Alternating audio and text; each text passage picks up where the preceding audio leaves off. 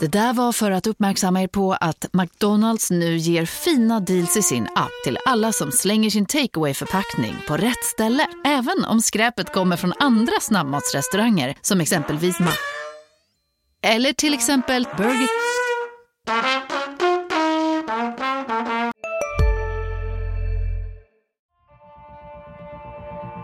De kan skriva mina citat innan jag ens säger dem. Så att, Eh, Där har vi en dialog. Vi, vi, vi har ambitionen att det ska vara klart eh, ganska snart. kommer man att se en mycket spännande fortsatt utveckling. Hur vi ska utveckla GIF Sundsvall. Vi har en spännande utvecklingsresa. Mycket spännande utveckling. Han var klok nog att välja Sundsvall som nästa utvecklingsminister. Det är en spännande lösning. Spännande forward, väldigt spännande central mittfält. Du lyssnar på GIF-podden. I den 85 matchminuten, Peter Wilson. GIF-podden är tillbaka med ett nytt avsnitt och det är det 111 i ordningen och lite historiskt. Eftersom vi nystartar efter nästan ett års uppehåll. Och det gör vi med eh, dagens gäst till ära och vi ska inleda med en liten faktaruta och då tänker jag att du får säga ditt fullständiga namn. Erik Mats Simon Andersson. Mats Simon. Är det, är det släktnamn? Eh, Mats är från eh, pappa och eh, Simon skulle jag hetat egentligen. Men eh, när jag föddes så blev det lite... Eh, mamma är osäker så då, då fick det bli mellannamn istället. Det kom inte ut en Simon. Nej, hon, hon tyckte inte det. Nej. Jag skulle också ha varit en Ludvig, men min syster heter Hedvig. Okej. Eh, Och hon protesterade. Hon tyckte att det var en, en stöld. Så att det... eh, Ludvig och Hedvig. Ja, och ålder är ju nästa fråga i rutan. Ja. Precis blivit 24 år. Ja, igår, ska vi säga, när vi spelar in det här, 3 maj. i maj. Eh, smeknamn? Eh, ja, alltså det har varit lite olika. Men eh, här uppe har det väl blivit... Alltså nu uttalar inte jag det likadant som de gör, men de säger Anders. Alltså, en liten eh, förkortning på Andersson. Eh, men eh, nere i Skåne så var det vissa som kallar mig för Ecke. Ja. Men annars har det varit Erik för det mesta. Det ja. eh, Hade du velat ha ett tyngre smeknamn? Erik Andersson för alldagligt? nej, alltså jag, tycker väl ändå det är okej. Det, blir, det blir lite jobbigt om det är fler i laget som heter Ja. Erik. Men annars så, så fungerar det bra med Erik tycker jag. Vi har ju haft Erik Larsson här och jag hade en teori om när han spelade här. Om Ja. Han hade varit i A-landslaget om han hade haft ett, ett mer exotiskt namn. Tror du det? Ja. Ja, ja mycket möjligt. Jag vet inte om det håller, vi, vi får se. Ja. Ehm, nästa fråga, vad äter du till frukost? Oh, det är... Alltså jag har kört samma frukost eh, i princip samma dag eh, i flera år nu. Det är havregrynsgröt och eh, antingen så steker jag tre ägg eller så kokar jag två ägg. Ja, Och så kaffe. Kaffe på det. yes, kaffet. Eftersom du är småbarnsförälder, vilket leder oss in på nästa fråga. Familj? Eh, två barn. Eh, en eh, som är två och ett halvt och en som är tre månader. Ehm, sen har jag ja, min, min, min fru och en liten hund. Yes, och moderklubb? Kommer från IK Vormo från början. En, eh, en liten klubb i, eh, i Landskrona. Eller, jag vet inte om det är så fortfarande men förr så var det den större ungdomsklubben i, eh, i Landskrona. Och sen slutar det alltid med att man antingen så går man till HIF eller till Malmö eller till, upp i Landskrona. Yes. Största idol? Största idol. Alltså allt. Eller, Ja, där får du tänka vitt och brett. Ja, men mitt, mitt liv har ju handlat väldigt mycket om fotboll. Eh, så Iniesta var en stor idol innan. Eh, just när de, eller när Barcelona var som bäst. Så för att jag väl tycker för honom och tycker att han är en, en, en grym bra, eller han var en grym bra spelare. Nu har jag inte sett honom på länge, men eh, just då så var han grymt bra. Mm. Hur spenderar du en ledig dag? Ja. Eh, går upp på morgonen, ofta när eh, den äldsta dottern vaknar. Eh, sätter på TVn, eh, fixar frukost. Eh,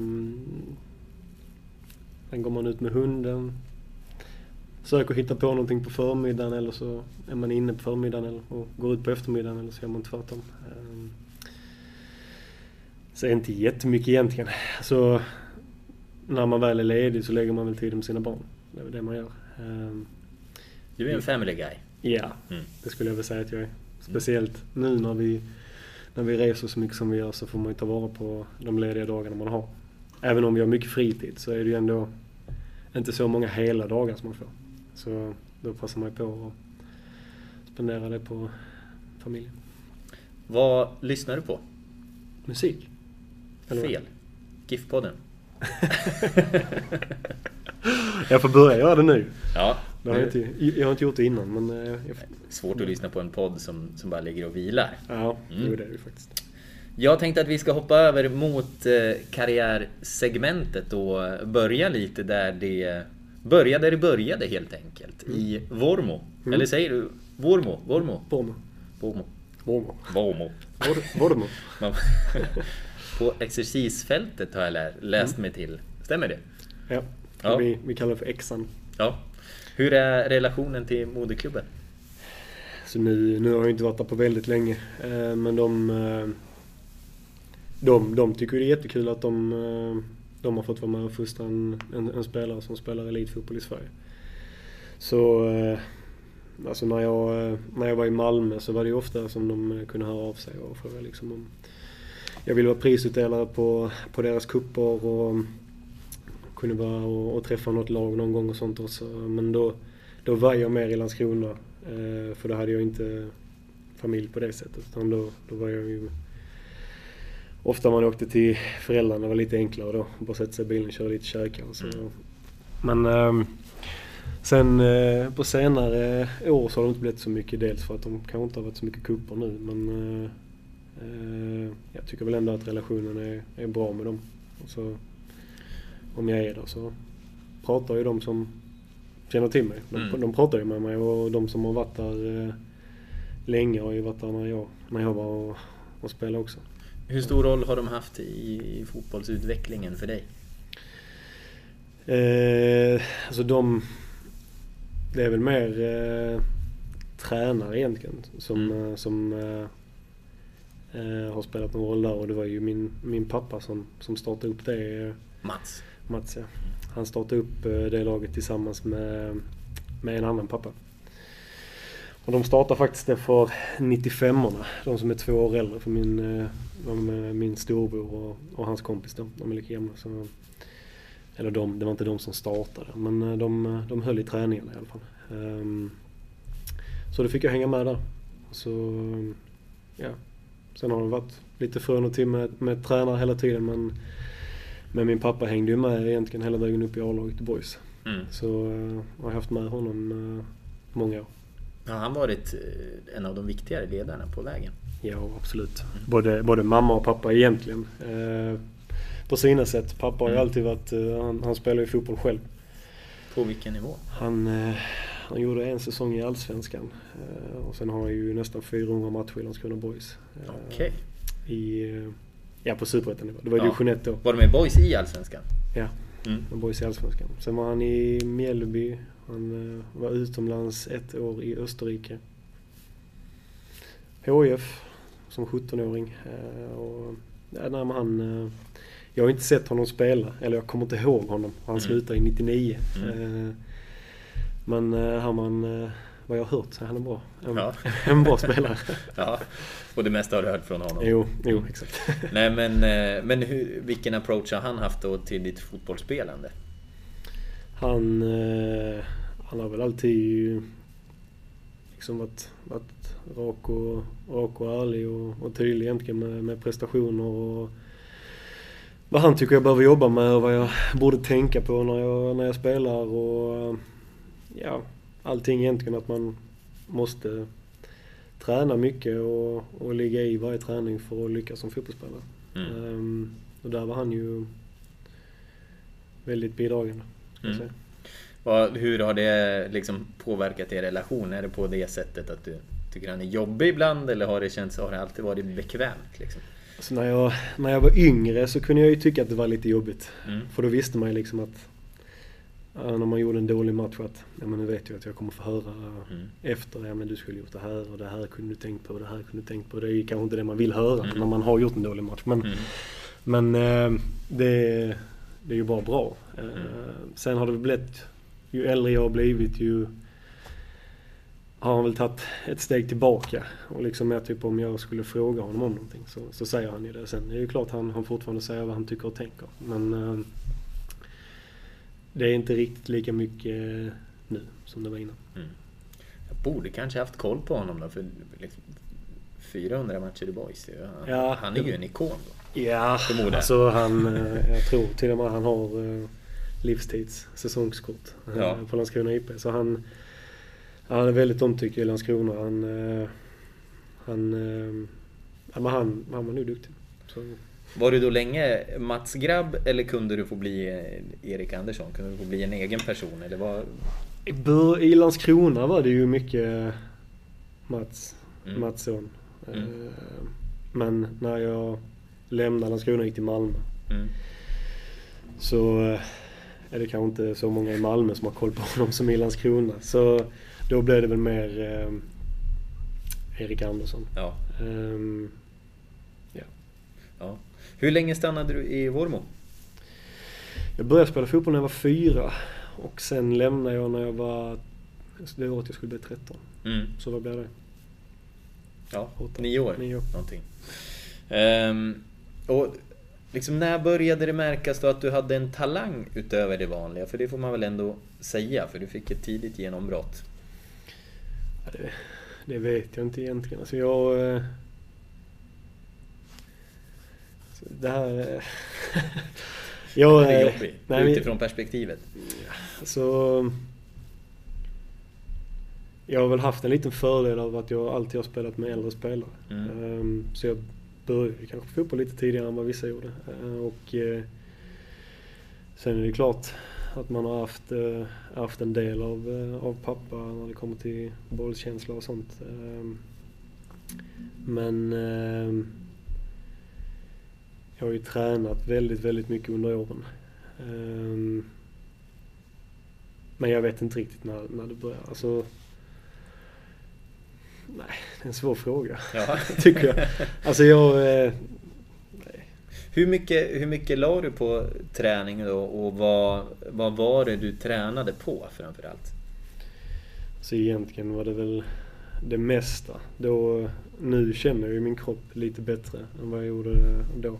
Så då eh, kunde man ju bara köra på och köra på och köra på och inte tänka på att det kanske kunde bli några konsekvenser. Mm. Men eh, jag tränar väldigt mycket styrka, löpning. Jag var ute och sköt frisparkar. Och, så jag och, jag och en kompis kunde vara ute på fotbollsplanen från 10 på morgonen till 10 på kvällen. Mm. Liksom, ja, ett snabbt break bara för att och käka lunch. Mm. Ehm, så egentligen så tränar man väl på det mesta när man var, när man var yngre, skulle jag säga. Mm. Och eh, alltså hur... Det, det, det var det där helt enkelt som, som eh, gjorde, tror du, att du... Eh, ja men just att du... Att du blev någon talang utöver det vanliga? Eller vad, vad var det som Alltså, gjorde att du nådde dit, tror du? Jag skulle väl säga att det var både och egentligen. Ja. Så är det klart att jag, jag kanske har fått en liten fördel. Eh, Men det är ju många som får det. eh, Mm. Av, av, av sina föräldrar. Det är ju många som, som spelar fotboll. Mm. Så, eh, men jag har ju jag har, jag har tränat extremt mycket genom åren. Mm. Eh, På väldigt, väldigt mycket saker. Mm. Eh, och sen då när du liksom flyttade över till eh, Landskrona då, hur var den flytten? Hur kom den upp? Den, eh, det var egentligen rätt, eh, rätt solklart då för då blev det de som jag spelade med då, de blev 15. Mm. Och eh, då börjar ju egentligen elitsatsningen på riktigt i, eh, eller i, i, i Landskrona gjorde det. Så då, då, skulle, då ville ju Landskrona Boys få över för vi var, vi var ett väldigt duktigt lag. Mm. Eh, vi hade många, många bra spelare. Bland annat Rasmus Alm spelade ju där då. Mm. Och ehm, Ehm, det var många spelare som höll hög nivå för att vara P15. Ehm, och, ehm, så då drog de ihop eh, Jocke Persson som är i Varberg nu, Mm. Jörgen Pettersson Mm. eh, och min, eh, min pappa. Ehm, de, de tre skulle ta över P15 då Mm. och köra, köra med, med det laget. Så då var det ju typ, jag tror vi var 11 stycken från Vormo eh, som gick till eh, Landskrona. Mm. Samtidigt som de plockade in lite spelare utifrån också. Så eh, det blev ju ett ännu bättre lag där egentligen. Men det var väl dags då. Mm. Vormo hade kanske inte mycket mer att erbjuda i elitsatsningen. Utan Mm. det, var, det var dags att gå till en större klubb. Hur var de här tränarna att ha? Ja, det var jättebra. Jörgen, Jörgen är ju väldigt skicklig, var en väldigt skicklig spelare själv så han... När det kom till offensiva grejer så var ju han jätteduktig. Um, sen Jocke Persson var kanske den mer eh, taktiska. Mm. Eh, även om det kanske inte var jättemycket taktiskt när man var 15 så var det ändå kanske han som introducerade lite. Mm. Ehm, men det var ju mycket att lära av de båda två. De var väldigt duktiga. Mm. Ehm, vil- vilken typ av spelare var du vid det här, vid det här laget? En offensiv mittfältare. Ja. Ehm, vi spelar 4-3-3. Jag spelar väl en, en av dem längre fram.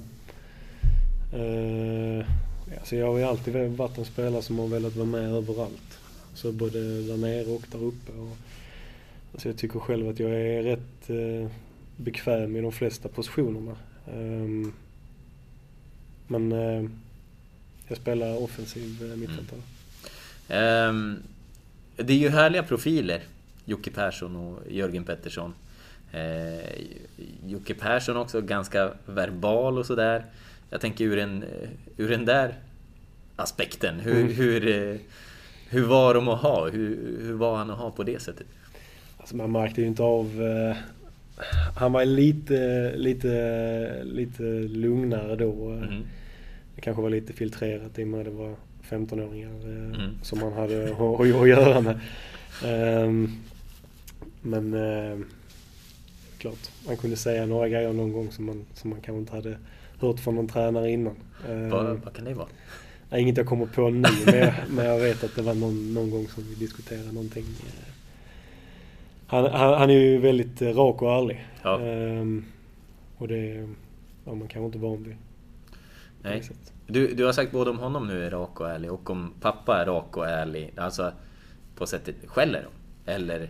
Nej, det det. alltså, jag skulle inte säga att det är skäll egentligen. Nej. Alltså, det är mer att de säger vad de tycker och tänker, men de är lugna i, i tonen när de säger Ja. Så, nej, inte skäller. Nej. Nej. Ehm, men där då i Landskrona så du kom ju in och A-lagsdebuterade som 15-åring. Men hur, eh, hur liksom kom det upp? Hur lyftes du upp i eh, A-laget?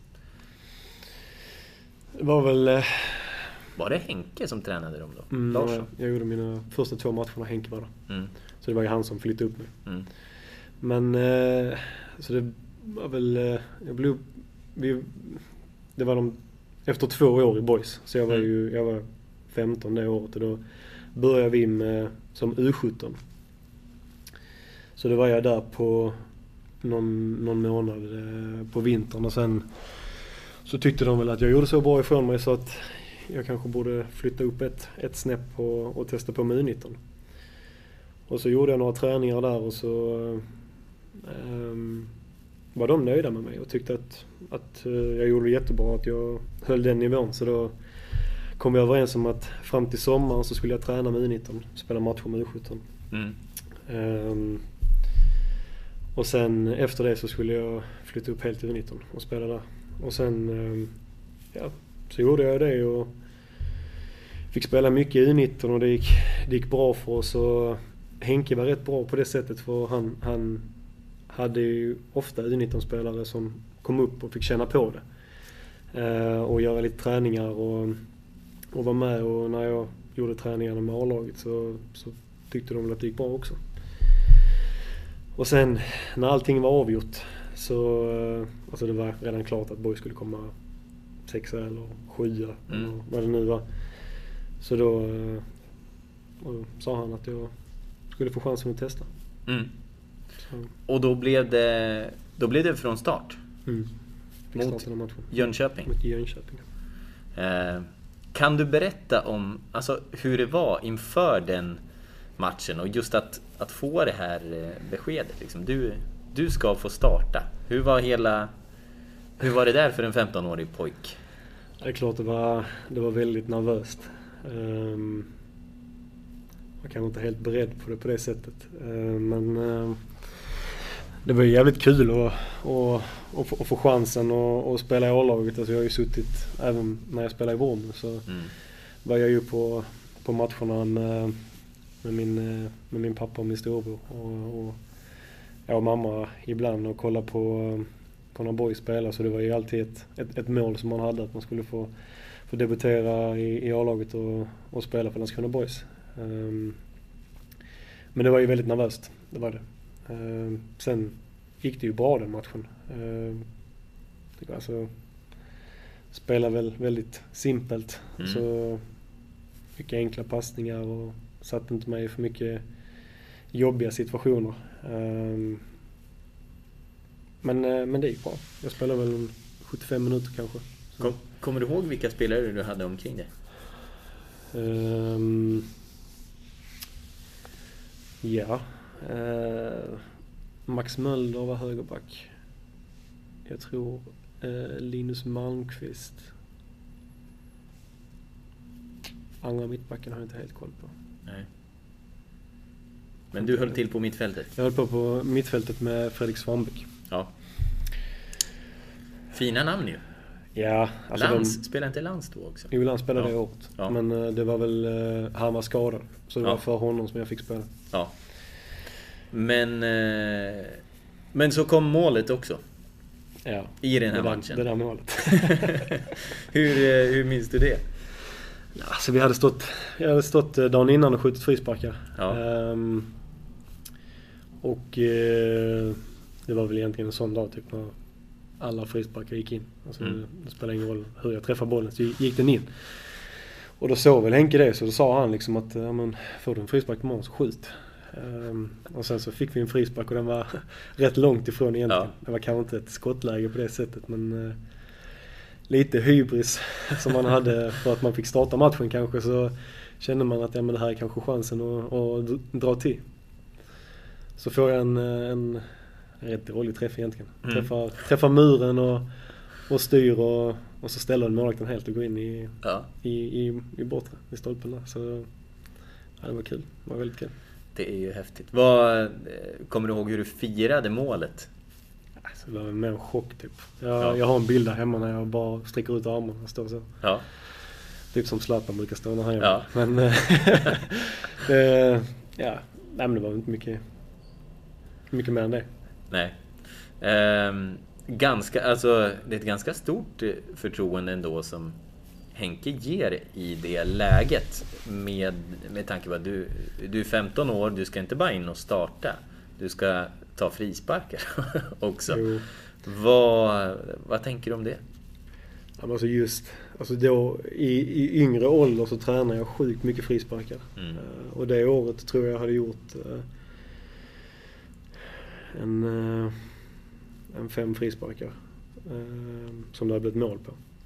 Så jag hade ju självförtroendet att skjuta. Och det var ju väl ingen annan vänsterfotad på plan. Och det var från högersidan så då kände väl eh, de flesta att ja, men, låt honom testa. Mm.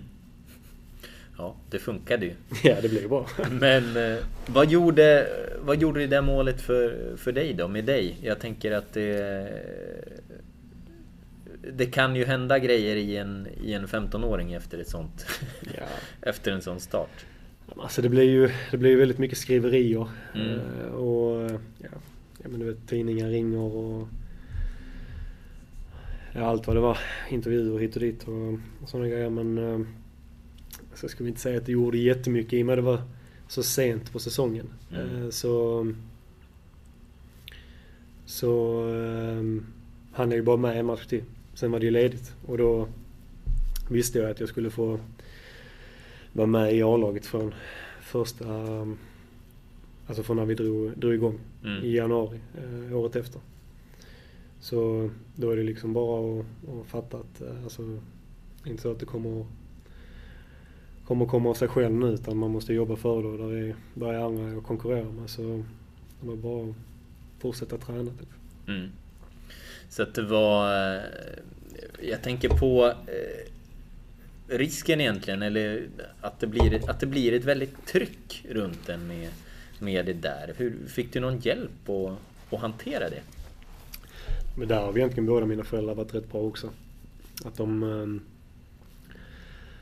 de har alltid varit, eh, varit noggranna med att man ska ha fötterna på jorden Mm. och inte eh, flyga iväg och vara, och vara ödmjuk. Eh, även när det går bra för en för, eh, för det kommer ju tuffare stunder också. Mm. Så ja. Mm. Och, ja, men och, och i, i samband med det här då så kom eh, det, det som blev ganska känt. Du råkade hamna på den här listan i The Guardian Mm. med eh, Mm. världens 40 största talanger. Mm. Eh, tänker, du, tänker du på det idag? Nej, det Nej. gör jag inte. Alltså det finns väl ingen mening att Nej. Och titta tillbaka på det, alltså det, det var en rolig grej att bli nominerad. Ja. Eh, samtidigt så var jag ju den fotbollsspelaren jag var då jag är den fotbollsspelaren jag är Mm. idag. Eh, jag har jobbat hårt för att, för, för att utvecklas och det gör jag ju fortfarande. Mm. Eh, så det är ju inget jag tänker på. Kan... eh, För jag tänker, jag tänker att det finns en risk att det blir en stress i det där Jo, också. Eh, Upplevde du det? ja det är klart eh, det, det blev en, det blev en liten eller, Kanske inte just i, i Landskrona egentligen för då, då rullade det ändå på alltså med, med speltid och mina prestationer var ofta Alltså jag var inte bäst på plan som, som 16-17-åring men alltså, jag gjorde okej ifrån mig i ett, eh, i ett lite sämre lag. Eh, Men eh, det blev lite jobbigare sen när jag gick till Malmö. Mm. När det blev, när det blev, det blev då så mycket skriverier. Eh, Och blev väl lovad väldigt mycket när jag skulle skriva på. Eh, Och sen eh, blev det inte riktigt så. Dels antagligen på grund av mina prestationer och, och eh, ja, lite annat som, som spelade in också. Vad bestod de löftena i? Vad var det för löften? Nej men alltså det var, inte, det, var inte, det var inte, jag ska inte säga löfte. Nej. Man kan ju aldrig lova någonting i fotboll men just då så var det ju väldigt mycket klubbar som var intresserade av mig. Mm. Och Eh, Malmö, Malmö sa väl att, eh, att eh, första året du är här är väl mer som ett inskolningsår. Ehm, du ska spela de första tio matcherna typ och sen är tanken att vi, vi satsar stenhårt på det. Ehm, men det blev ju inte riktigt så. Ehm, så det, Mm. Um, ja, och, och... Alltså... Ja, för, för när, du, när du då gick till, eh, till Malmö. Det fanns en del intresse som du säger. Du hade också... I, i, vilket, I vilket skede var det du tränade med eh, Juventus och Newcastle? Då? det var året innan jag Det var blev... ännu tidigare. Alltså det var, det var innan jag blev flyttad i, Ja. i A-laget. Eh, Vad- New, Newcastle var efter en, en, en cup som jag hade spelat med min egen ålder när vi var Ja. 13. Eh, Så då var jag där två gånger och besökte dem. Ja. Och Juventus var väl... Då var jag 15. Det var det året som jag skulle bli uppflyttad eh, ja. i, eh, i A-laget. Eh, Där var jag och hälsade på en gång i tio Ja. dagar. Och, för, för det var också en lyssnarfråga. Mm. Jag efterlyst lite sådana. Det, det, finns många trogna lyssnare. Och Ja. Jens Ljunggren frågar om det. Mm. Hur var det att provspela med de klubbarna? Det var jättehäftigt. Mm. Eh, Det var, en, det var verkligen en upplevelse. Eh, Först i, i England där eh, alltså man, man har helt andra förutsättningar där. Mm. Alltså, de bjuder liksom över en spelare eh, från Sverige. Jag mig och min, min pappa var det som åkte med. Betalar hotell i, första gången var det nog 11 dagar, jag var där 12 dagar. Mm. Står för all mat. Eh, kommer och hämtar varje morgon och kör till träningsanläggningen. Ehm, man går ut. De har liksom, så ungdomssektionen har sju stycken helt spikraka gräsplaner. Eh, de har egen kock som lagar mat till dem efter träningarna. De har ett eh, stort gym. Och en, en massa folk som jobbar runt omkring. Så det var jättekul att se, se hur det är i ett, i ett annat land och hur, mm. de, hur de jobbar där. Det var ju egentligen samma sak i, Italien. Där, ehm, planerna var inte riktigt lika fina men jag trivdes nästan mer där än vad jag gjorde i, i England. Mm. Vad var det, vad var det du trivdes mer med? Eh, så dels var det kanske fotbollen. Eh, som... Och sen var klimatet kändes som det var lite enklare i, i eh, Italien i den åldern. Mm. Kanske tuffare när man blir, när, när man blir äldre men mm. i England var det ju typ så när, när jag kom in i omklädningsrummet första gången så var det liksom det var ju ingen som typ tittade liksom kul att du är här utan det var mer liksom det där är ju en konkurrent till mig. Ja. Så han ska ju bort snabbt. um, men det var lite annorlunda i Italien för det var precis som att han som var kapten, han försökte prata, även om han inte kunde engelska, så försökte han liksom, han kom här och var med här och uh, vi går och gör det här och vi går och spelar fotbollstennis och ja. Vet du, vet du om några av de här spelarna, om det hände någonting med dem sen? Så jag för mig att det var en i Newcastle, en anfallare. Nu kommer jag inte ihåg vad han hette, men han, han gjorde nu debut i, i A-laget sen. Ja. Um, sen tror jag han, han har varit nere i Championship ja. och, och spelat. Annars har jag inte kollat. Alltså jag tränar ju lite med... Det var...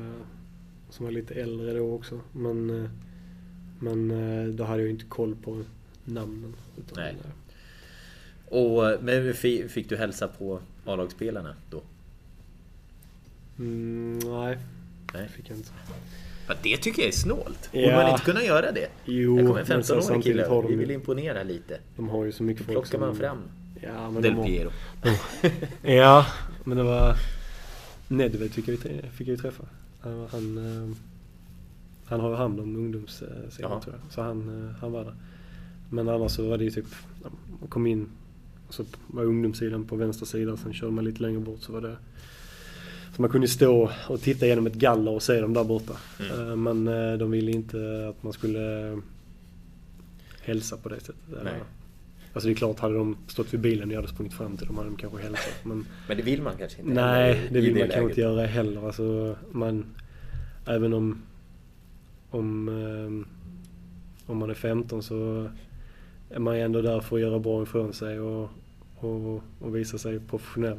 Och då kanske det inte är det bästa att springa fram till en spelare liksom. Ah. Nej. Men var, var de här kvar sen eller eh, var det andra klubbar med? Liksom, vad hade du för alternativ sen då när, eh, när Malmö dök upp? När du slutade med Malmö till slut? Så det var, det var lite danska klubbar. Um, Juventus uh, ville ju att jag skulle flytta dit uh, året innan. Alltså mm. när, eh, när jag blev uppflyttad i A-laget. Då ville de att jag skulle flytta dit. Um, men då, då sa vi nej för att jag skulle få spela A-lagsfotboll. Mm. Uh, och sen var det väl ja, lite danska klubbar och... Så jag, jag har inte helt koll egentligen. Alltså det är det som är grejen. Utan jag fick mer liksom höra från agenten att alltså det, finns, det finns intresse men Malmö var väl de som var absolut mest på. Mm. Så då landade det. Och här började Malmö, de satsade rätt stort också och mm. var rätt vassa då. Ja, det var ju det året som de gick till Champions League första, mm. första gången. Um, så var det ju väldigt många spelare som försvann. Men de plockade ju in väldigt mycket spelare också.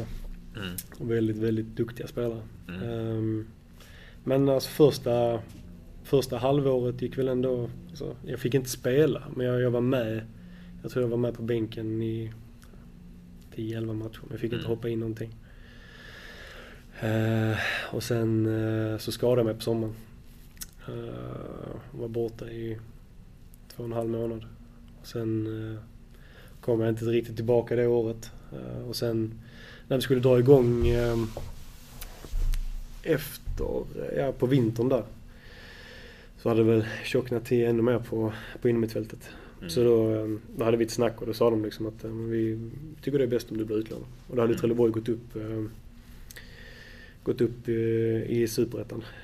Så då var det liksom en 24 timmars utlåning. Mm. Så jag tränade ju med Malmö. Så kunde I de sekunderna när jag är i luften så är det en kamp på liv och död. I Spotlights serie Vinnarskallarna minns stjärnorna själva de dramatiska svenska sportögonblicken. Hör Anja Persson berätta om när hon kraschade i OS-backen men reste sig igen. Jag ville vinna över berget. Vinnarskallarna. Nytt avsnitt varje fredag. Sök efter podden Spotlight. Välkomna sommaren med att... Res med Stena Line i sommar och gör det mesta av din semester. Ta bilen till Danmark, Tyskland, Lettland, Polen och resten av Europa. Se alla våra destinationer och boka nu på stenaline.se. Välkommen ombord! Jag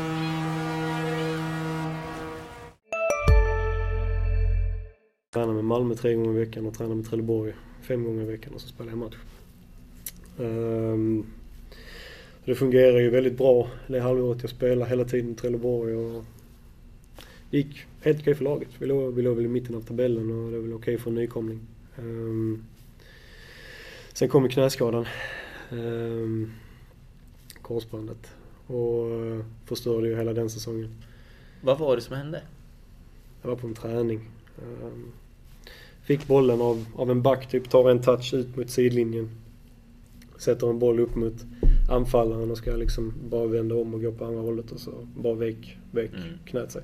Mm. Så hörde man ett, eh, ett knäpp typ. Så jag förstod rätt snabbt att det var, att det var allvarligt. Um, så var det bara röntga och sen var opererad åtta dagar senare. Sen var det väl åtta tuffa månader innan man var tillbaka och, och kunde spela match igen. Mm. Så jag tror... Ja, Trelleborg sa ju, sa ju typ direkt när jag hade opererat mig att när, när du är redo för spel så får du mer än gärna komma tillbaka hit på utlåning igen. Så trappar vi upp det successivt. Så du får komma in i, i matchtempo och, och börja spela fotboll eh, igen. Eh, så så gjorde vi det. Jag tror från och med omgång sju var jag tillgänglig det året. Så var jag med hela det året och spelade kanske... Jag vet inte när jag kan ha startat. 13-14 matcher. Mm. Och det var ju det året som eh, vi gick upp med Trelleborg. Mm. Och när jag gjorde det så hade jag ett snack med Daniel Andersson och han sa att eh, eh, det fortfarande var väldigt tuff konkurrens. Alltså det vet man ju i Malmö. De har ju liksom fem spelare som platsar på egentligen de flesta mittfält i Allsvenskan. Mm. Så eh, då sa han liksom, ja men så du får välja själv om du vill avsluta ditt kontrakt. Um, eller om du vill utlånad ett år till.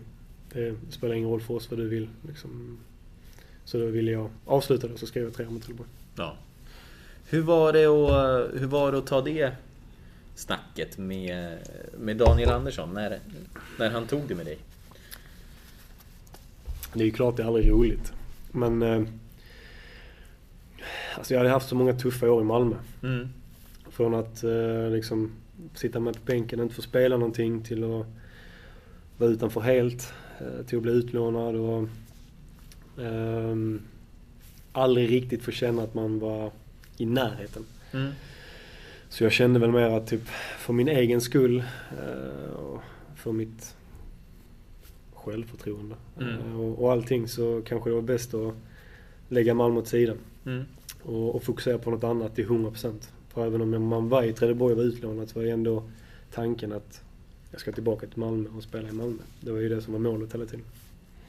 Man var, man var alltid där på, no, på något sätt som en gäst ja. i Trelleborg? Jo men typ. Att det var en, eh, en station på vägen. Mm. Men alltså, men de här åren då? Som du sa, själv, självförtroendet. Och jag, jag kan tänka mig att det är en brottningsmatch med självförtroendet. Hur, hur var det och hur, hur tacklade du det? Så det var ju det var ju väldigt tufft. Eh, alltså just det här att, att, att gå från att egentligen bli, bli vald som etta hela tiden. Alltså mm. i sin egen ålder hela vägen upp och få vara med i, i distriktslag och i landslag och spela i klubblag hela tiden och, och eh, ja, bara få köra på till att stå sidan om och titta på. Ehm, det är klart det, det, det tar på självförtroendet och det var många gånger liksom man tänkte att Fan är, är jag tillräckligt bra egentligen? Mm. Um, så ehm, det var, ju, det var ju några tuffa år. Men, uh, men så är ju fotbollen. Det går inte alltid uppåt. Hur... Alltså har du, har du någon gång tagit hjälp för att, för att hantera det då? Ja, det har jag gjort. Jag har pratat med idrottspsykolog. Ja. Um, Hade Malmö en sån eller sökte du upp det själv? Mal, Mal, Malmö har. Ja. Um, man, jag förstod inte riktigt när jag, när jag var yngre egentligen hur, hur viktigt det är. Men um, nu låter det precis som att jag är jättegammal men ju, äldre, ju, äldre, ju äldre man blir ju mer förstår man egentligen att uh, alltså, självförtroende och, och allt sånt uh, det är liksom en stor del av sporten. Ja. Alltså om du, om du tror på dig själv och, och vågar göra grejer hela tiden. Även om du kanske misslyckas någon gång. Bara fortsätt att våga så, så kommer det gå bra till sist. Och ehm, ja, jag behövde väl lite, lite hjälp på traven där att komma ur det. Så det, det, var bra, det var bra att jag kunde få den hjälpen eh, i Malmö. Mm. Och Ja men det här som just det här eh, utifrån som blir så väldigt synligt för, för alla omkring dig med den här eh, The Guardian-listan till exempel. Ja. Hur... Eh, om man väger emot det och, och vad, vad andra människor tycker och, och tänker. Jag menar, förmodligen har ju folk omkring dig ofta vägt just den här, den här utnämningen, en av världens största talanger. Jo gentemot var, var du är och var du står och så sitter du på, på bänken i, i Malmö. Mm. Alltså jag tänker, har det, där, har det där gjort någonting? Ja, det är klart. Alltså det, det blev väl ingen... Uh, ingen... Alltså jag, jag har alltid försökt filtrera bort det. Mm. Uh, alltså man... Alltså om jag kommer med i en, i en tidning, det, liksom inte, det spelar ingen roll för mig. Nej. Utan, utan det är ju... Det är ju mina prestationer på planen som spelar någon roll. Eh, och, och vad jag gör på träningar. Och, eh, sen är det klart att alltså man fick ju höra väldigt ofta liksom, men vad fan, alltså, du är en av världens största talanger enligt den här tidningen så du borde ju få spela och du borde få göra det men, mm. men det, är, det är inte så lätt. Det är inte. Och du... Eh, men du har... Du har tagit bort det, liksom blundat Alltså, blundat för det? För den... Ja, alltså det var, det var lite svårare när, när man var yngre. Ja. Alltså, men alltså, ju äldre man blir ju mer lär man sig och ju mer skiter jag egentligen i vad folk tycker. Ja. Alltså det är ja. liksom innan, innan var jag väl ett sånt att jag, jag brydde mig om, om, vad, om vad folk tyckte och, och tänkte. Men alltså nu skiter jag i vilket. Alltså så länge, så länge tränarna är nöjda med mig och mm och jag känner själv att jag bidrar till, till laget och, och allting då, ehm, då är jag nöjd. Även om, om någon sidan om skulle sitta och säga att han tycker att jag är, eller hon tycker att jag är skitdålig så, så bryr jag mig inte. Mm. Det spelar ingen roll för min del. Utan mm. det, är de, det är de som är, är närmst i, i, i klubblaget och, och så som, som spelar någon roll. Mm. Och uh Ja men just det, om du, ja, men om du skulle titta på andra talanger som hamnar i den sitsen eller an, andra unga killar. Du behöver mm. ju inte nödvändigtvis eh, listas som en jättetalang för att eh, liksom, ja, andra unga fotbollsspelare helt enkelt i, i, eh, som hamnar i samma sits. Vad skulle du liksom ge för råd till dem? Alltså egentligen, det, man ska ha tålamod. Mm. Alltså om man gör bra ifrån sig hela tiden så till sist så kan de inte hålla en sidan. Um, Och sen är det väl egentligen att om man, om man känner att man har det tungt psykiskt och man har svårt att, att tro på sig själv. eh, Eller om man börjar svaja lite i tänkandet så, så ska man inte vara rädd för, för att ta hjälp. Eh, Alltså det, det är inget att, att skämmas över egentligen och, och behöva prata med någon om, eh, om olika grejer och, och få professionell hjälp. Mm. Och eh, ja, de har, de har ju otroligt fina förutsättningar i Malmö just med att man kan ta den hjälpen Jo, också då. jo, absolut. Inte alla, inte alla klubbar som har. Nej. Om du inte hade varit i Malmö, hade du tagit hjälp utifrån då tror du? Hade du kommit till den insikten själv? Det tror jag inte Nej. faktiskt. Det Nej. tror jag inte jag hade gjort. Jag hade hoppats det, men, Ja. eh, men jag, jag, jag tror inte. Jag Nej. tror inte. Men då kanske det är bra ändå att, att en fotbollsspelare liksom, som du idag ändå kan, eh, kan ge det rådet vidare till, Jo. till unga spelare och ta med sig det och ha det i... Jo, men det är ju... Det känns ju som det börjar bli mer och mer vanligt nu ändå att, att folk, eh, eller att fotbollsspelare börjar eh, prata om, eh, om ja, mående inom fotboll. För det är ju en, en, en, eh, en tuff bransch att vara i. Alltså man måste ju prestera på topp hela tiden. Eh, det är ju ingen som vill stå utanför och, och, och titta på. Um, och eh, spelar man inte så är det ju tufft för de flesta. Mm. Eh, och det känns som att det blir mer och mer vanligt nu om att, att fotbollsspelare vågar prata om det. Eh, och det, det tycker jag är bra. Mm. Om vi tittar på Malmö igen. Var det ett felval att, att gå dit? Alltså nu, eh, nu i efterhand så... Så ja, det skulle jag väl säga att det Mm. var. Sen fick jag ju lära mig mycket i Malmö. Jag fick träna med, med väldigt, väldigt bra spelare och, och bra tränare. Ehm, men ehm, det är väl klart att att gå från en, en, en klubb som trillar ur Superettan till Sveriges bästa lag då kanske var ett stort steg. Mm. Så eh, jag eh, hade kanske gjort annorlunda om jag hade fått göra om det idag. Det hade jag gjort. Mm. Mm. Eh, men, Trelleborg. Ja. Du kom dit och du fick ett, eh, ett nytt hem. Med en liten annan, eh, en liten annan roll. Hur, var, hur ser du tillbaka på tiden där? När du fick fast? Så jag har varit eh, upp och ner. Det var ju väldigt roligt det året vi, vi spelade i Allsvenskan. Ehm, Även om det var tufft då. Mm. Ehm, Så första halvan var rolig i alla fall. Sen Mm. blev det lite tuffare jag hade problem med skador och andra halvan också. Jag tror inte jag var tillgänglig i mycket mer än åtta matcher. Det var ju uppehåll efter elva matcher. Jag tror bara jag spelade en 17 matcher från start det året. Um, hade problem med, med foten och baksida och lite sånt. Sen eh, första året Superettan var väl också eh, tufft. Eller alltså. Det känns som det, det målas ju alltid upp förväntningar. Eh, alltså nu, det var ju många som lämnade när vi trillade ur Allsvenskan. Um, men någonstans var det ändå skriverier om att Trelleborg hade ett bra lag. Um, vi hade väl ett helt okej lag men eh, vi släppte ju in alldeles för mycket mål. Och ja, men vi klarade väl oss precis det året. Tror vi var väl sista omgången som det inte blev något kval på. Och sen eh, gjorde Trelleborg en liten satsning eh, förra året och plockade in bra spelare.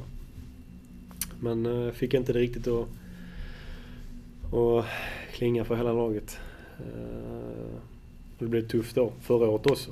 Eh, alltså, även om det för min del kanske gick helt okej. Alltså jag spelade jättemycket och gjorde väl gjorde lite poäng och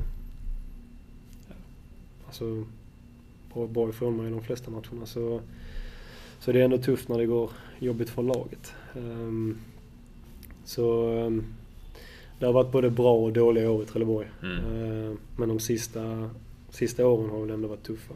Men lärorika. Mm. Och eh, du måste ju spela med Alexander Blomqvist där. Mm. Hur, eh, liksom... Var, var ni kompisar? Var han delaktig när, eh, när det började pratas om Giffarna? Ja, han... Eh, vi pratade lite innan, eh, innan jag skrev på. Han, eh, han trivs jättebra uppe. Han hade ju bara positivt att säga. Mm. Och, eh, så jag... De senaste åren när jag har mött Sundsvall så har jag liksom känt att fan... Sundsvall känns som en bra förening och det spelar bra fotboll och... Det är bra nivå. Mm. Ehm, så jag, jag har väl ändå... Jag har väl haft lite intresse för att spela i Sundsvall Mm. tidigare år också. Ehm, Du har velat dit? ja, Eller hit? alltså jag har ju suttit under kontrakt så det har ju inte Ja. varit eh, så men alltså Sundsvalls sätt att spela fotboll på tyckte jag kanske passade mig lite bättre än vad Trelleborgs. Mm. Eh, Jag må- jag måste ändå fråga, vi eh, får inte lämna Trelleborg så jävla snabbt. Men, men eh, som... Alltså tiden där, när du fick komma dit och igen vara ordinarie och få vara en nyckelspelare där du, Mm. där du var. Vad gjorde det med dig som spelare? Det är klart det ger, det ger väl självförtroende när man, när man får spela varje match. Och, och, så jag gjorde inte supermycket poäng men eh, alltså spela på mittfältet och jag tror jag gjorde 10 eller 11 poäng det året. i- Är det poäng du ska göra? Alltså jag, jag ser mig som både och egentligen. Alltså, det finns väl andra i laget som, som är bättre än mig på att göra poäng. på att göra mål och, och, och assist. Men jag ser mig absolut som en spelare som ska vara med och bidra. Eh, och slå fram fina passningar och, och avsluta anfall. Mm. Och eh, ja, men eh, Giffarna sen då. De, eh, de kom in i bilden. Hur, eh, hur gick det till? Hur gick övergången till? Här vill vi ha spelet bakom. Jag, var, eh, jag var i Umeå.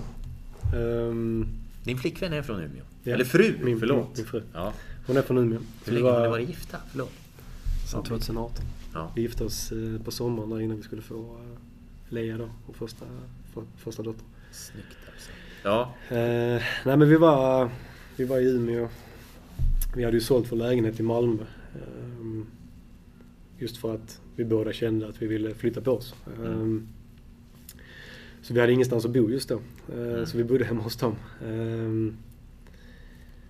Och så pratade jag med, med, med min agent då och så sa han att, eh, att Urban hade hört av sig. Att eh, de var intresserade. Att eh, han ville, ville ha ett möte. Och jag kände väl direkt att eh, det var superintressant från min sida. Jag känner helt torr i halsen. Ja ja men är det inte fruktansvärt? Vi, vi sitter ju, det kan vi ju berätta för lyssnarna också, att vi sitter med munskydd eh, båda två. Känner du också av det här att du eh, börjar bli snurrig?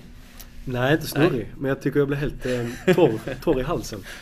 Vi kämpar på. Ja, vi vi kämpar på. Eh, när man ville ha ett möte. Eh, och då, då var ju tanken, för vi hade fortfarande, vi hade alla våra saker hade vi kvar i Malmö. Men eh, i ett magasin där.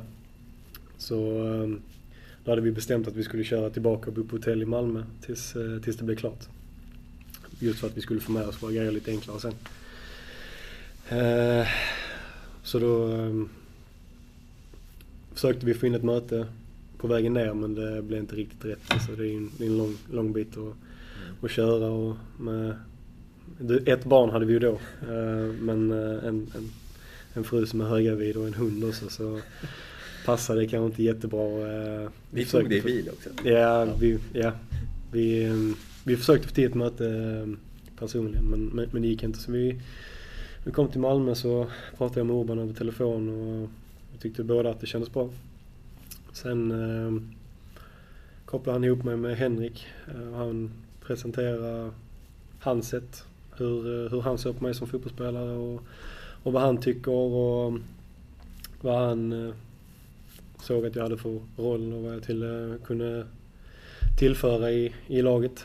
Ehm, och där stämde väl överens med, med vad jag tyckte också. Sen, eh, sen var det inte mycket mer. Vad var det då? Vad var det han presenterade för dig? Alltså jag, senaste två säsongerna i Trelleborg har jag spelat yttermittfältare. Mm. Och jag ser mig själv som en central spelare. Mm. Ehm, och eh, han eh, tycker att jag ska spela som en eh, typ nummer åtta kallar man det. Ja. Så en, en spelare som är med eh, överallt på banan egentligen. Ehm, och eh, det tyckte jag också. Mm. Precis, det är lite, vad ska man säga, det är, det är lite box to box nästan, eller? Vad, Ja, vad alltså säger jag, man? jag skulle säga att alltså, som fotbollsspelare så springer väl mycket och Ja, box till box. Mm. Mm. Vill vara med överallt. Ja. Eh, det är också en, eh, en lyssnarfråga då, runt det här och just eh, rollen du har. Från Anders Lindqvist. Mm. Känner du att du har fått komma till rätt i nuvarande spelsystem? Och han frågar också, kan du berätta om din roll på planen och hur det går att komma in i det? Alltså det är ju, det har ju ändå varit en liten omställning. Det har det ju varit. Sen är jag ju van vid att spela central mittfältare, så det tycker jag inte är några problem. Eh, Men eh, spelsystemet har kanske varit lite, lite annorlunda. Mm. Och det tog några matcher. Ehm, Men jag tycker väl själv att jag har kommit in i, i min roll helt okej. Det, det är klart det kan bli bättre. Ehm, Men jag tycker ändå att eh, jag har kommit in i den helt okej. Mm. Och... Ja, hur är, hur är det spelsystemet att, att anpassa sig till? Hur, hur är sättet att spela tycker du? Det är, det är lite annan fotboll här också än vad det var i Trelleborg. Mm. Ehm, Så nu, nu försöker vi, vi försöker ju spela mycket mer än, Mm. vad, än vad vi försökte göra i Trelleborg. Eh, Och bara det är ju en omställning. Inte, inte för, alltså jag har ju alltid varit en spelare som vill, vill spela fotboll och det är väl så jag har blivit skolad från första början också. Mm. Ehm, men jag vet inte alltså. Nej, jag vet faktiskt inte vad jag ska svara. Nej. Nej, eh, det ger sig. Det, det kommer väl kanske. Ja. Helt enkelt. Det, är, eh, det har ju varit en omställning för, för spelarna här också i eh, sättet man vill förändra sig på nu. Från Mm. det här possession till att också lägga till dimensionen med, Lite mer rakare. ja, på en högre press. Mm. Eh, hur, eh, hur tycker du att det är? Så jag, eh, jag, jag, jag tycker det är bra så som vi spelar nu. Att man, att man ska variera. Eh, att man inte kanske ska vara för naiv. Eh, för de flesta lagen läser ju på rätt bra. Mm. Scoutar, scoutar sina motståndare väldigt mycket. Eh, om de vet att vi liksom kommer att försöka spela oss ut till, till varje pris så kan man bli straffad och eh, Sundsvall har väl blivit straffade Mm. eh, tidigare år på, på just det. Så jag tror det gäller, det gäller att ha en balans. Eh, jag tycker inte att man bara ska skicka. Utan man, man, man ska alltid ha en, eh, en tanke med, med, med bollen man spelar. Man, det måste inte alltid vara en, en, en kortpassning. Försvarsspelet tycker jag är bra nu. Att man, att, att man går i press och, Mm. och försöker ta bollen. Alltså försöker vinna den så nära deras mål som möjligt. Det blir mycket enklare att spela fotboll nu. Mm. Och Henke och Brian som tränare, hur, hur tycker du att de är? Jag tycker de är jättebra. Mm. Det är hög eh, intensitet på träningarna och de, de maler på mycket och ställer höga krav. Mm. Vilket jag gillar. Ehm, så jag, nej, jag tycker de är bra. Ja. Vilka, vilka tränare har varit störst och viktigast för dig under karriären? Det känns som man, man har haft så många tränare som har fått avgå. Ja. Det är ju helt sanslöst också att du... eh, Jag menar, du är bara 24. Ja. Du var 23 i förrgår. Mm. Och eh, har hållit på på seniornivå sedan 2012. Mm. Ja, det är några år nu. Ja. Men eh, alltså, i- min pappa har ju, alltså fotbollsmässigt så har ju han, han varit med väldigt, väldigt länge. Sen, alltså i, i Malmö kan jag inte säga att det är någon tränare så, utan det var mer fystränaren mm. Eh, ben Rosen som är i, i eh, Köpenhamn nu. Han, eh, han hjälpte mig att, att förstå liksom att man inte bara kan träna. Utan man måste träna på rätt sätt, man måste äta rätt saker. Man måste vara noggrann med mycket mer än att, än att bara träna. Och sen, ja, nej, annars kan jag inte säga mycket mer. Är du, eh, liksom lever du ganska strikt? Jag är inte lika strikt nu som jag var innan. Eh, innan var det egentligen eh, sjukt. Ja. släppte jag inte på någonting. Nej. Men på något sätt tycker jag att man, man, man måste hitta en balans också. För alltså när, när jag var... Det var det året som vi spelade i Allsvenskan som jag var strikt. Mm. Eller väldigt, väldigt strikt. Och när det gick bra mm. så var det inga problem. Men när det började gå neråt och det inte gick lika bra, då började man liksom försöka hitta fel i allting. Mm. Uh, så det är klart, alltså jag, jag, tänker på vad jag äter. Jag stoppar inte i mig skit hela tiden och, och sådana grejer. Men, men jag är inte strikt på det sättet att jag inte kan äta någonting. Sen, mm. sen är det inte så att jag sitter och trycker in mig en massa skit uh, dagen innan match eller två dagar innan match eller något sånt. Utan det blir ofta efter matchen. Mm. Ja. Och eh, ja, det är en, det är en till eh, lyssnarfråga. Mm. Anders Lindqvist eh, igen undrar hur, hur är spelglädjen inom laget? Jag vet inte vad... Ja, vad, ja. vad är spelglädje? det är också en fråga. Men jag, jag, jag tycker den är bra. Mm. Alltså, spelglädjen. Alltså... Jag tror det är också, det är liksom som en följdfråga. Det är en tvåpipig, dubbelpipig fråga. Känner okay. ni någon press att gå upp nu när det pratas mycket om det? Så det finns väl ingen mening att känna någon press. Tycker jag inte. Så man går ut på fotbollsplanen varje dag för att göra sitt bästa. Mm. Um, och ibland har man inte sin bästa dag. Mm. Uh, och ibland så har inte laget sin bästa dag. Um, men man går ju alltid ut för att vinna matcher.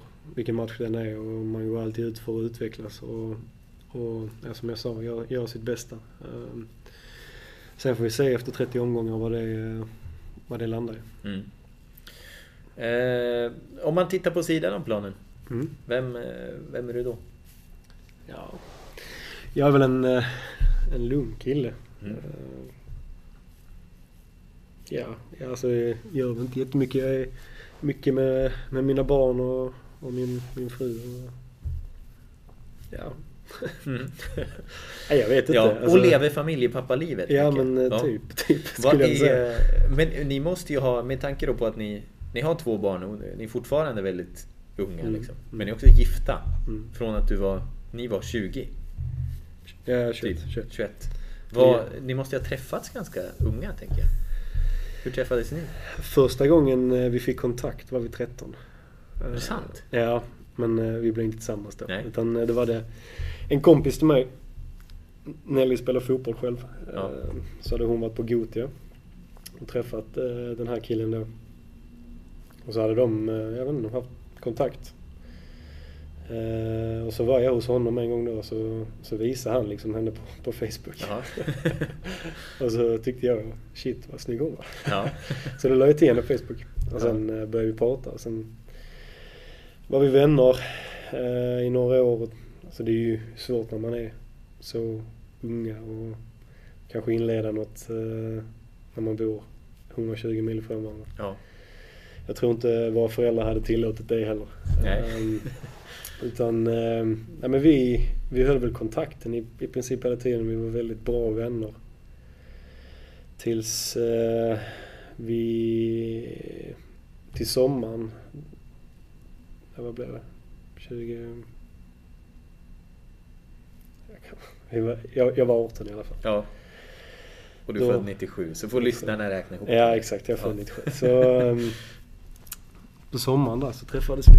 Uh, och då så vi har egentligen alltid haft en, en liten extra grej för varandra. Ja. Men eh, det har väl kanske varit för tidigt och så åkte jag upp till, till Umeå när jag var ledig eh, på sommaren och så var jag där in, i en vecka och sen...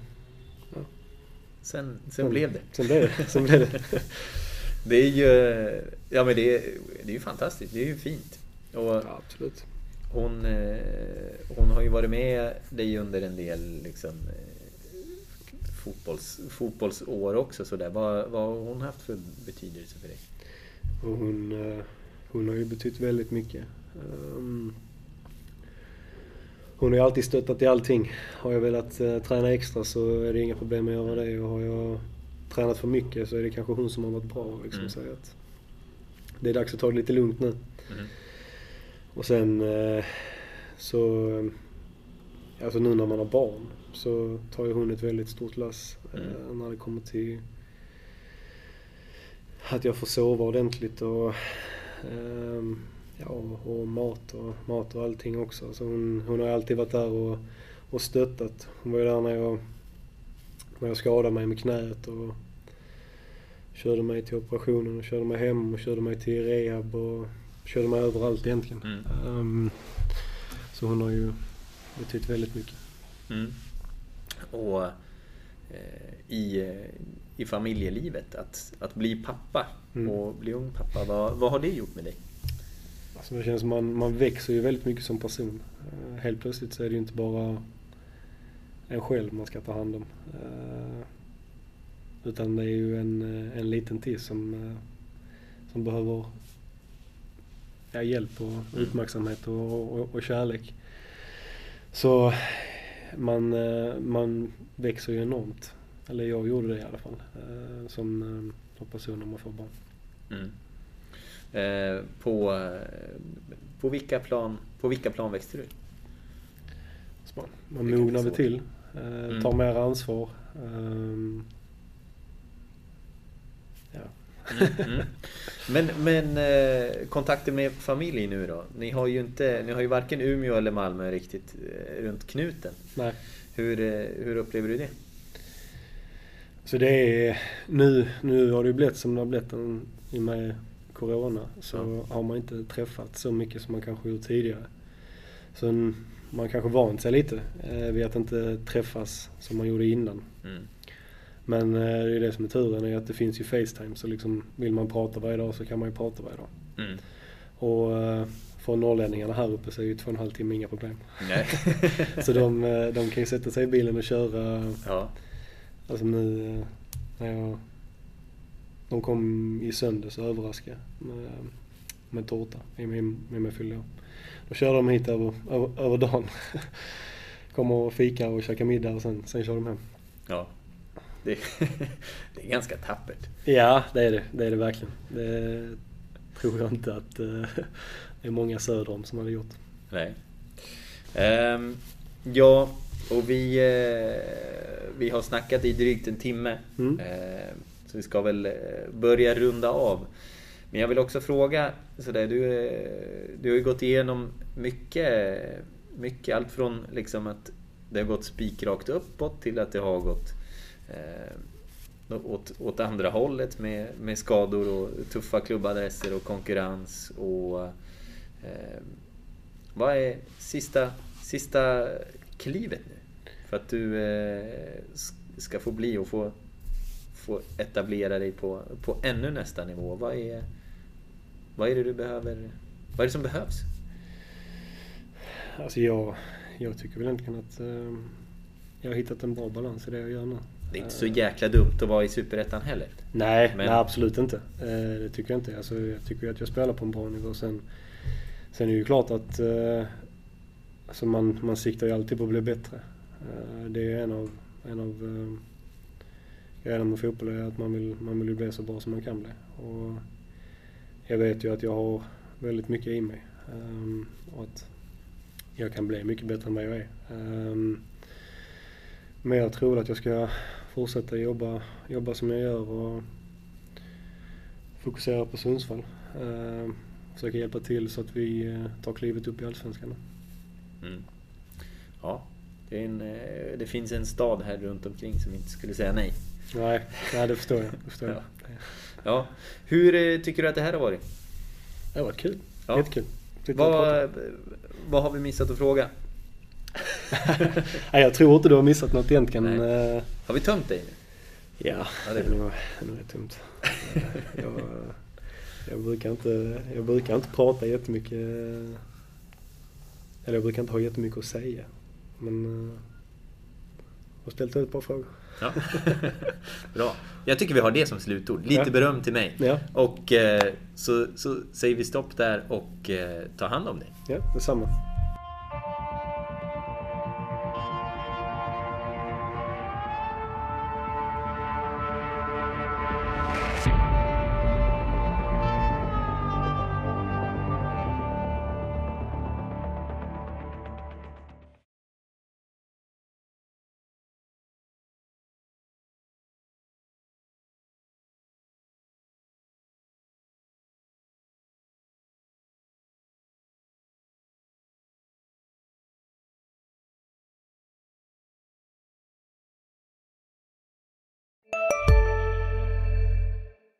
Om en så vidde på väg till dig för att du råkar ljuga från kollega om att du också hade en och och innan du visste ordet av bjöd du hem kollegan på middag och... Då finns det flera smarta sätt att beställa hem din sous vide på. Som till våra paketboxar till exempel. Hälsningar Postnord. Var du än är och vad du än gör så kan din dag alldeles strax bli lite hetare. För nu är Spicy Chicken McNuggets äntligen tillbaka på McDonalds. En riktigt het comeback för alla som har längtat.